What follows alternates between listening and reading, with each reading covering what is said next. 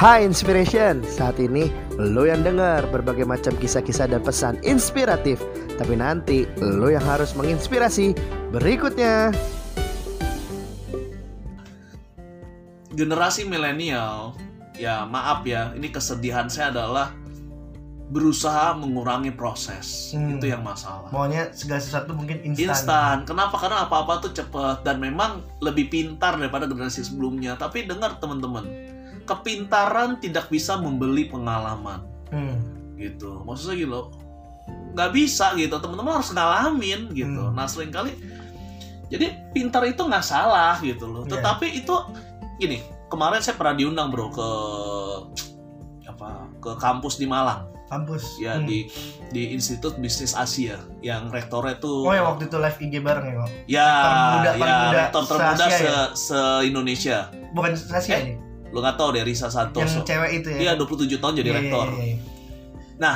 waktu saya diundang ke sana saya bilang gini "Eh, teman-teman di sini kan semua belajar ya Hmm.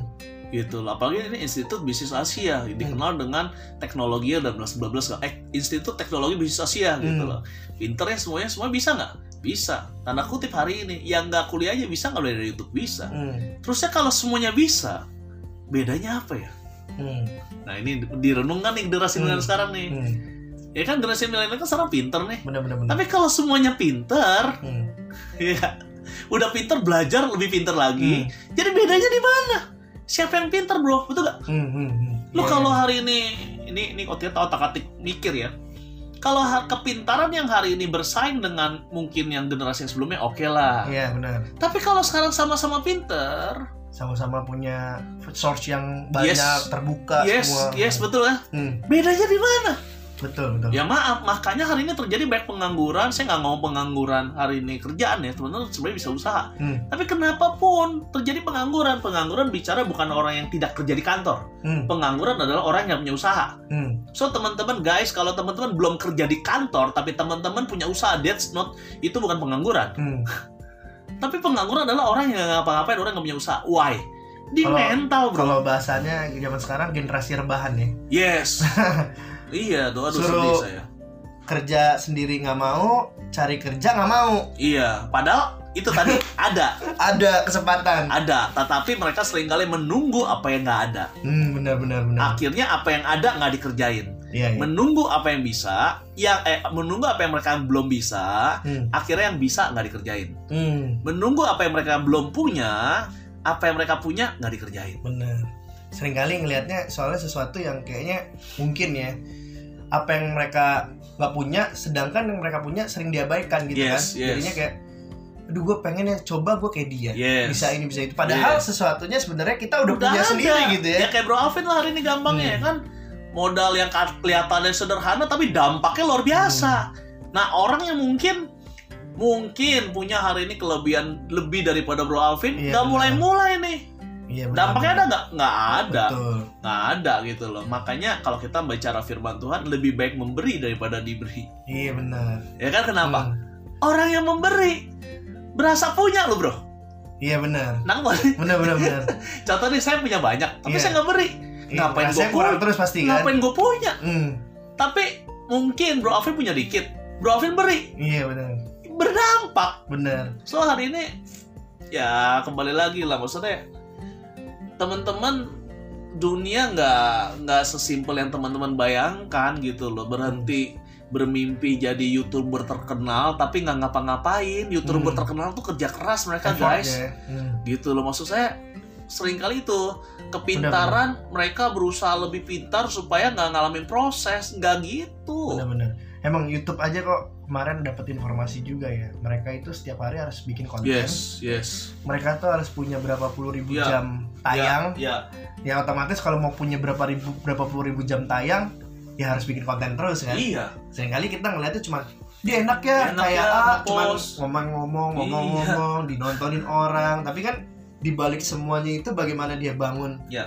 ya contoh kayak adalah salah satu podcast Ya. yang saya sering denger gitu Ya, ya, ya. di YouTube ternyata dia udah berapa tahun yang lalu udah bangun Ya. dari dulu diketawain orang katanya ya Ih lu ngapain lu ngobrol-ngobrol sama orang emang Ya. ada yang mau nonton eh sekarang termasuk salah satu podcast ngobrol-ngobrol yang paling banyak ditonton tuh di YouTube tuh. Ya. Nah ya kayak gitu kan. Seringkali mungkin kita mikirnya sesuatu yang eh apa ya?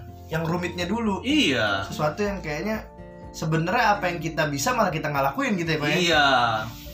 Ya jujur ya. Hmm, gampangnya gimana ya? Jadi kita akan menghargai satu profesi pada saat kita mulai menjalankan profesi itu loh. Hmm. Contoh nih, saya mulai, saya nggak bilang saya youtuber lah, saya mulai bikin YouTube YouTube gitu Betul. loh, baru ya video-video motivasi saya, inspirasi saya kayaknya sih lupa lah ya saya 20 udah belum lupa lah. Hmm. Nah, makin saya bikin gitu, makin saya salut sama youtuber. Hmm. Ya ampun, susah ya, Hmm. ya kan ngedit video, bukan ngedit lah ngomong, Ngomong. Nggak usah ngomong lah, mulai Hmm. kita mulai duduk Bener-bener. untuk bikin video Bikin sendiri. aja, iya gitu. Makanya makin salut. Contoh saya lagi mau nge-gym gitu kan body goals gitu kan bentuk badan. Makin saya salut sama orang-orang yang bisa six pack ih keren. Bukannya keren ya? Hebat amat ya Bener, gitu. bener, bener. jaga makan konsisten fitness segala macam. Jadi kita akan menghargai profesi itu pada saat kita mulai menjalankan profesi itu loh. Mungkin kita nggak mau jadi profesi itu tapi Hmm. kalau kita mulai buat coba deh lo makanya kalau bagi temen-temen yang bilang ah gitu doang coba buat aja. Hmm. gue pengen tahu. Netizen jagonya kritik. nah gitu loh. Jujur aja saya pada saat saya sih nggak nggak ngeritik orang ya. Tapi pada saat saya mulai buat saya tahu. Ih jadi saya saya salut tapi saya makin salut. Pada saat saya mulai buat.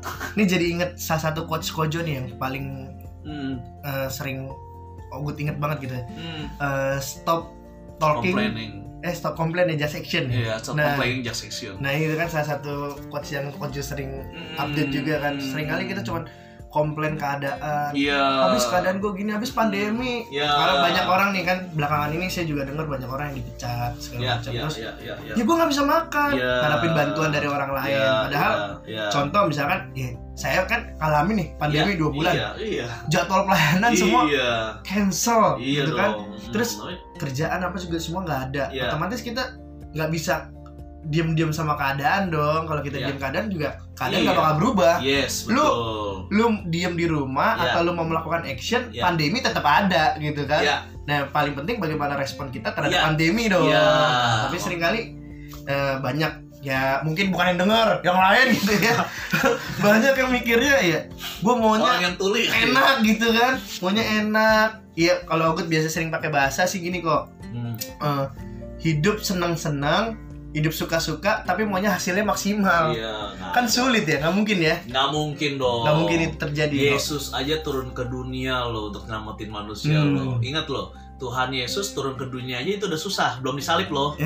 Kenapa? Karena dia pribadi yang maha tinggi raja segala raja mau turun ke dunia. Meninggalkan segala segalanya. ya. itu inget loh note nih. Itu udah susah loh. Kita jangan ngomong penderitaan dia disalib. Itu udah susah ya kan lahir dari rahim Maria ya kan eh, lahir di keadaan bebas dan segala macamnya itu udah susah Berarti kayak gini ya. Kojo nih kan punya mobil, punya apartemen, punya aset lah. Suruh lepasin tiba-tiba. Eh tinggal digubuk. ya, Kayak nggak mungkin gampang bener. gitu ya. Itu Iya, pasti berat ya. Sa- satu raja satu raja dari itulah contoh satu Yang raja dari Sultan lah Sultan. Sultan, Sultan. ya kan? Mobil mewah udah. Ya kan tiba-tiba ada tempat tinggal tapi di mana nah itu kan nah itu udah susah maksudnya gitu Bener. Dia aja maksudnya beli Tuhan aja tahu maksudnya yang kayak gini berkat Tuhan maksudnya nggak ada gitu maksudnya ya itu tadi yang katanya menderita sebenarnya itu proses. Nah Proses. tadi saya ingat satu quotes lagi nih bro. Eh, alasan Hmm. selalu benar Hmm. untuk orang yang punya alasan. Hmm. Alasan selalu benar untuk orang yang punya alasan. Yes. Bisa Bagi lu yang beralasan, Iya, ya selalu benar. selalu benar. Iya benar. Bro Alvin bisa banget alasan. Lu Bener. kok nggak pelayanan? Gila lu pelayanan kan Pandemi. pandemi nggak bisa ini gua mau ketemu jemaat juga nggak bisa Hmm. ya kan jemaat juga nggak mau ketemu gua takut ya kan mungkin Hmm. jemaat ketemu gua gua juga ngeri ngeri juga Mau pelayanan online gak ada yang ngundang tahu gitu kan. Alasan semua ya ya. kan selalu kayak gitu ya kan nih curhat apa gimana Mau pelayanan online gak ada yang ngajakin nge-zoom. Iya, contoh yang kayak gitu maksudnya. Jadi alasan selalu benar untuk orang yang punya alasan. Hmm. Jadi kata siapa benar? Orang yang punya alasan. Hmm. Saya juga bisa punya alasan. Gue masih muda, ya kan. Gue nggak punya modal, Hmm. bla bla bla. Gue gagap. Hmm. Bayangin aja lu bro. orang gagap mau jadi pembicara. Nah, Gimana caranya? sekarang aja nggak kelihatan kayak gagap nih. Ya, padahal Padahal dulu mesti sampai belajar ya. sekarang masih Oh, sampai sampai detik ini nih ya. Tapi kan saya latihan Hmm. latihan pada saat ngomong di luar pembicara ini saya latihan A I U E O. Nah, orang Hmm. kan nggak ada yang tahu. Latihan ngomong terus ya, Latihan biar ngomong kalau terus. ngomong nggak eh, Eh, eh, eh, eh, iya, gitu ya. biasa saya ah, nih contoh kayak gini nih. Pa- Panjang gitu. eh, Ya kan ini saya kan harus ngatur terus nih. hmm, Biasa orang gagap kan otaknya kecepetan gitu ya. hmm, Otaknya kecepetan. Jadi ya gitu deh. Butuh latihan dan saya bisa alasan loh. hmm, Masa orang gagap jadi pembicara? hmm, Gimana caranya?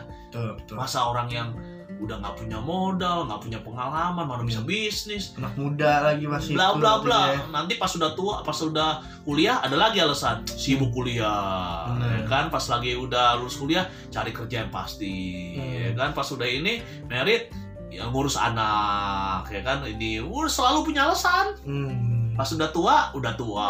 Dulu Hmm. muda, masih muda. Akhirnya biasanya kalau kayak gitu udah tuanya baru nyesel ya. Pasti, Dulu gue masih muda kenapa gue ngelakuin A, kenapa gue Pasti. ngelakuin B gitu. ya. pasti. Kemarin saya baru bahas tuh di mana ya? Oh kemarin saya juga saya motivasi juga di nasional zoom gitu ya. Saya bilang jeruk saya bawa jeruk Hmm. empat buah jeruk jeruk satu kilo 8 buah saya juga nggak pernah beli jeruk di pasar sih Hmm. satu kilo 8 buah dua ribu Hmm. Tapi jeruk peres Hmm. empat buah jeruk Hmm. yang murni Hmm. harganya bisa dua ribu Hmm. Dua kali lipatnya nih. ya. yes jadi maksudnya apa sesuatu yang nggak ada note nih wah ini dalam ini banyak padat banget ya pembicaraan kita hari ini ya. kayaknya beberapa seminar nih saya rangkum Waduh. ya Ini harusnya materi jutaan dikemas secara Oh, iya. gratis di Spotify nih. Iya. Ini seminar nilai mahal. Apa seminar biasanya satu tiket 2 jutaan bro Wow, satu tiket 2 juta. Ini ada beberapa materi seminar yang digabungkan ya. Nilainya kurang lebih 10 sampai 15 juta lah value-nya. value-nya nih ya. Iya, ini iya enak kan gitu. Ini udah apalagi Bro Alvin kemari ya kan di udah apa di- apa datang kemari dapat breakfast breakfast, Habis ini lunch lagi. Udah udah enak lah pokoknya. Pokoknya prinsip saya orang yang ketemu saya harus untung lah. Harus untung. Jadi saya kemarin bilang saya sesuatu yang ada, eh sesuatu yang nggak kelihatan bukan berarti nggak ada. Hmm. Benar. Benar Jadi benar. benar. sari jeruk itu di, di dalam jeruk. Betul. Kelihatan nggak? Enggak. Benar. Tapi belum tentu nggak ada. Iya. Ada kan? Tapi nggak kelihatan kan? Tapi Benar. ada Benar. gitu loh. Oke. Nah, poin yang kedua adalah bagaimana supaya kelihatan kita harus ada kerelaan. Hmm. Kerelaan apa? Peres tuh jeruk. Peres, Iya benar. Jadi yang bikin mahal adalah ongkos peresnya, Effortnya ya. effortnya. Hmm. Dan itu kerelaan. Sebenarnya Benar. bukan effort apa sih sebenarnya? Ngomong kasar gitu. Iya iya. iya. Lu lu kan nggak punya duit. Temen lu banyak yang punya produk kok. Hmm. Lu posting-posting di status WA, Betul. lu aja yang gengsi. Betul. Ya kan sekali lagi nih lu aja yang gengsi. Benar. Facebook ada, Instagram ada, lu aja yang gengsi. Nggak mau kan orang tahu kelihatan lu jualan ya. Maaf kata tadi, lebih Hmm. baik bohong malu tidur tapi hidup bergengsi daripada pegang gengsi tapi hidup malu-maluin gitu loh. Tapi ngeri orang tahu kita nggak punya duit segala macam lainnya. Ya Jadi- makanya kemarin saya juga ada salut tuh sama satu orang manajer sebuah perusahaan. Ya itu. Manajer sebuah perusahaan eh, travel. Yes. Travel kan lagi goncang banget Yes, nih, lagi yes, nggak bisa yes. jalan iya, semua. Iya iya iya. Dia harus dengan terpaksa Yes. jadi Gojek kok. Iya iya iya. Tapi itu yang saya salut. Yes. Why? Manajer gajinya puluhan juta, Yes. tapi karena ada pandemi dia nggak beralasan. Ya udah. Gue daripada sibuk Ya. alasan A B C D, oke lebih Ya. baik gue bertindak sesuatu Yes, nih. Nah itu yes. ya sebenarnya seharusnya kita dari masa muda udah punya pikiran ini Iya, dong, Iya. gitu ya. iya. Jadi terbiasa Bener. akan hal-hal yang luar biasa. Hmm. Jadi ya stop sibuk mengasihani diri. Hmm. Ini tadi apa poin yang kedua apa tuh? Rela, bisa bisa kelihatan apabila kita punya kerelaan Rela. Hmm. tadi kan Hmm. hari kerelaan dan saya percaya gitu loh yang tadi manajer apa manajer travel itu itu masalah mental Betul. bukan masalah ya Gojek mungkin dia bertahan beberapa bulan nanti dia ketemu dia selalu cari cara gitu Ya, kan ya. tapi daripada dia mengasihani diri dia cari cara yang lain Tapi itu pasti biasanya proses bukan instan ya. ya pasti dong Itu udah uh, ya, kayak kamu karakter yang dibangun di dalam kayak diri kamu dia. gitu jadi ya. kamu waktu muda jualan roti Hmm. itu berdampak dengan apa yang kamu lakukan hari ini Hmm, Nangkep berarti sebenarnya kalau saya bisa nangkap gini, eh, jadikan setiap masalah sebagai fasilitas. ya betul Buat kita bisa bertumbuh atau mengambil pelajaran atau mengambil sesuatu yang berharga dari Ya. setiap keadaan. Iya, ya, iya betul. Jadi apa ya? Kalau kita ngomong firman Tuhan ya, Hmm. pada saat mujizat lima roti dua ikan, sering kali orang mikirnya yes Tuhan mengenyangkan kita, Tuhan Hmm. mencukupkan kita. Jangan lihat itunya, kesian Hmm. banget orang Kristen masih ngeliat berkat. Hmm. Tapi lihat pengalaman imannya bersama Tuhan. Iya. Itu betul. yang berharga, Betul. gitu loh. Jadi yang berharga bukan buat saya setiap kejadian saya yang kata orang susah segala macam. Buat saya yang paling pesan yang tadi Bro Alvin bilang, Hmm. yang paling penting pesannya. Hmm, benar. Buat saya, gue akan cuan Hmm. saat susah kalau gue dapetin pesannya. Betul. gue akan rugi pada saat kata kata orang saya untung kalau gue gak dapet pesannya Betul. karena dapat message-nya dapat apakah filosofinya dapat pengertiannya Hmm. ya kan makanya hikmat lebih berharga daripada emas dan perak Iya. gitu loh jadi eh, ya seperti tadi apa yang kelihatan ada karena kerelaan Hmm. ya yang terakhir nih sesuatu yang di dalam Hmm. nah ini dalam nih sesuatu yang di dalam nih guys para milenial jauh lebih berharga daripada yang kelihatan di luar Wow. Sesuatu yang di dalam jauh lebih berharga dari yang sesuatu yang di luar. kelihatan di luar. Jeruk lengkap loh dari luar loh. Iya. Tapi sari yang di dalam itu lebih mahal daripada pada saat lengkap loh. Betul. lengkap ada betul. kulitnya segala macam. So guys, come on. iPhone you, Hmm. mobil, motor, sepeda Brompton mungkin yang Hmm. tarinya ada dan segala macam lainnya. Hmm. Itu nggak ada apa-apa, itu bagus. Hmm. Gelar itu bagus. Tapi nggak ada apa-apa yang dibandingkan dengan apa yang di dalammu. Hmm. Apa yang ada dalam diri kita sendiri gitu It- ya. itu- Karakter Yes, segala macam. yes. Itu jauh lebih berharga. Tapi kamu aja dong. Berani peres gak? Iya. Dan kita akan kaget loh bro. Hmm. pada saat yang itu keluar ya Ya. ampun kok gue bisa ya Hmm. Ya ampun yang selama ini gue banggain ternyata itu cuma yang kelihatan di luar ya Hmm. dan itu tidak akan kita bisa nikmati kalau kita nggak punya kerelaan Wow. gitu bro jadi kalau kita tadi nanya tentang bisnis dan pelayanan buat saya sama aja ya Hmm. gitu loh kenapa tadi my ministry is my business karena di bisnis saya kalau kita mau bisnis ya akhirnya saya mulai bisnis yang tadi yang umur 18 tahun ya puji Tuhan 20 tahun saya menjadi waktu itu ya Hmm. direktur termuda seluruh dunia Hmm. Tapi kok bisa kayak gitu? Saya bangun komsel bro di Hmm. bisnis. Malah bangun komsel di bisnis ya? Sebelum sebelum itu saya bangun komsel di bisnis. Iya, dari dalam bisnisnya malah bangun komsel gitu kan? Iya, jadi sebelum maksudnya sebelum saya mencapai mencapai prestasi itu Iya, saya bangun itu, dan nggak Hmm. bermaksud untuk yang wah supaya bisnis gue berkembang enggak karena ada jiwa-jiwa yang Tuhan eh, titipkan saya bangun komsel Hmm. dan percepatan perlipatannya ya kita nggak usah ngomong berkat Hmm. nih perlipatan komsel ya bisa ada 10 komsel bro Hmm. Dari bisnis. Dari ya di bukan dari gereja Iya, relasi bisnis segala macam gitu-gitu Dari hitungannya bisnis ya. yang saya bangun. Hmm.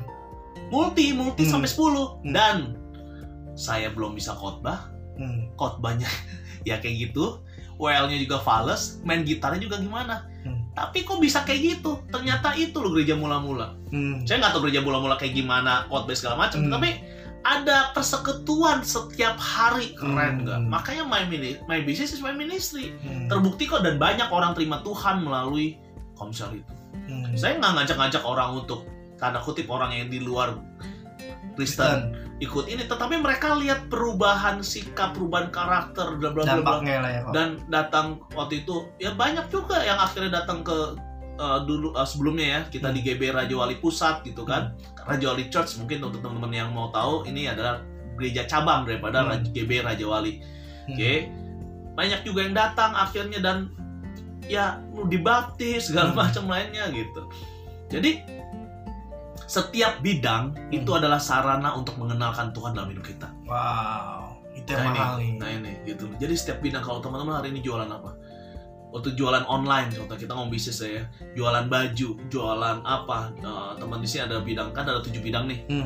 art, Art. entertainment, ya kan di sini ya adiknya Bro. Alvin juga di entertain art. gitu kan, art entertainment, Benar. ada di B business, Hmm. C church, Church. D development of the poor, Hmm. nah E education, Ya. F family, G adalah government. Hmm. Jadi di tujuh bidang ini adalah sarana untuk mengenalkan Tuhan dalam orang-orang yang kita ketemui di bidang itu. Hmm. So berhenti untuk memisahkan antara sekuler dan rohani. Hmm. Ingat Betul, rohani itu untuk siapa, bukan di mana. betul. Kita bisa lebih rohani di entertainment daripada di gereja. Ya. Apabila di gereja kita lakukan untuk diri sendiri, tapi di entertainment kita lakukan untuk Tuhan, Ya. memuliakan nama Tuhan. So nggak usah nyari sampai ke pedalaman ya hari ini jiwa-jiwa ya benar orang-orang itu sudah ada kok deket dengan kita ya. Dekat dengan kita. Di mana? Teman-teman yang mungkin hari ini ngantor bosmu yang mungkin katanya lu sebelin. Hmm. waktu lu praktekkan kasih lu bisa senyum pada saat dia hari ini ngomel. Oke. Dan segala macam. Susah kok. Karena susah makanya lu jadi jawaban. Hmm. benar.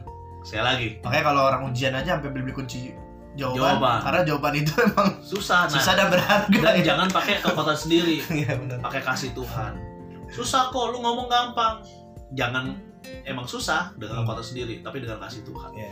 tapi dengan melalui perkataan kita tingkah laku kita 1 Timotius 4 kan ayat 12 Hmm. nah di situ perkataan tingkah laku kesucian Perbuatan. perbuat oh, ya apa kesetiaan ya kan anak muda kan pinter tapi kan kurang konsisten nih Hmm. Nah di situ teman-teman nah, orang sekeliling kita bisa diberkati. Hmm. gitu loh. Jadi berhenti untuk memisahkan aduh gue kapan ya pelayanan? Kamu sudah pelayanan Ya. kamu sudah khotbah di rumah Betul. pada saat kamu tidak kamu hari ini menghormati orang tua. Betul. Gitu. Kamu Betul. mengasihi adik kakak dan segala macam lainnya. Gitu sih bro. Jadi ya menarik gitu maksud saya. Hmm. ya gitu. Iya, saya saya eh, kayak saya biasa bilang juga bahwa ladang pelayanan kita tuh bukan cuma di gereja. Ya. Emang ada orang-orang dipanggil di gereja, contoh kayak saya. ya Emang ya, karena church, saya maunya Ya. fokusnya emang udah di gereja. Ya. Jadi emang dunianya ya semuanya ya berhubungan dengan gereja. berhubungan Tapi kayak tadi balik lagi ke Ade. Makanya saya sering ngobrol sama Ade ya gitu kan. ya Ya gua Instagram gak ada followersnya gitu kan. ya Sedangkan lu followersnya puluhan ribu. Iya, Ketika lu update posting yang sama sama gue mungkin gitu ya, yes. atau cuman repost aja, oh. lu bisa dilihat dan memberkati banyak orang Yes, gitu kan. Nah yes. itulah ladang pelayanan ya dia gitu ya kan. that's ministry Iya makanya kayak saya bilang waktu itu saya pernah ngeliat eh, pebulu tangkis ya eh, yang ganteng tuh, yang masih muda siapa namanya kok lupa ya tiba-tiba. Yalah, Yang ya. kemarin Ya, Asian Games rame banget. Yang yang six pack katanya Iya yang buka baju bah itu ada Iya, kok iya, tiba-tiba lupa ya oh, namanya ya pokoknya itu ya gitu. Iya. Saya bilang sama dia, "Dek, followers 2 juta." Ketika dia bilang puji Tuhan, Tuhan Yesus baik nolong saya. Itu mau agama apa pun, mau siapa pun melihat dia dan itu ladang pelayanan dia. ya Ketika dia Iya. bilang semua karena Tuhan Yesus. ya wow. Dia nggak usah khotbah kayak gua keliling ke gereja, Iya, ya capek-capek misalkan maksudnya satu persatu. Ketika dia update postingan itu aja itu udah mimbar dia. ya Nah, ya, itulah. ya. Seringkali orang anak muda mikirnya kalau pelayanan cuma nanti lingkungan gereja doang, padahal Hmm, lo lagi bisnis bisa menerapkan prinsip kebenaran ya itu udah bagian dari pelayanan lagi Yes. kerja yes. tetap pakai prinsip-prinsip kebenaran yang lain curang bon-bon Iya. bohongin ya lu nggak curang tetap pakai nilai-nilai yang benar jujur yes. itu juga ada prinsip kebenaran ada pelayanan Iya. juga di sana gitu ya kok ya iya iya wow dan ya itu maksud saya ya di mana pun kapan pun sama siapa pun gitu Hmm. dan jujur saya senang kalau orang mengenal saya sebagai Joyede sih hmm. maksud Joy. saya jadi orang gimana ya ya orang tahu gue sebagai pribadi jadi Hmm. orang akhirnya bisa cerita apa aja gitu Hmm. loh nggak ada batasan Nggak ada gap. status Hmm. lah baik di bisnis baik kayak gimana ya udah lu cerita aja tanda kutip lu punya kekurangan gue juga punya kekurangan Yeah. bedanya ya sama-sama lah gitu loh ayo kita sama-sama ngebangun dan nggak usah orang maksa untuk mengenal Tuhan ya Hmm. biar itu kan ya maksud saya bagian Roh Kudus bagian kita Yeah. dan menjadi gereja lah gitu loh Hmm. ya kan mempraktekkan apa yang Tuhan mau di dalam hidup kita gitu dan itu uh, Jonathan Christie Oh iya Jonathan Christie benar. Sampai di searching dulu guys.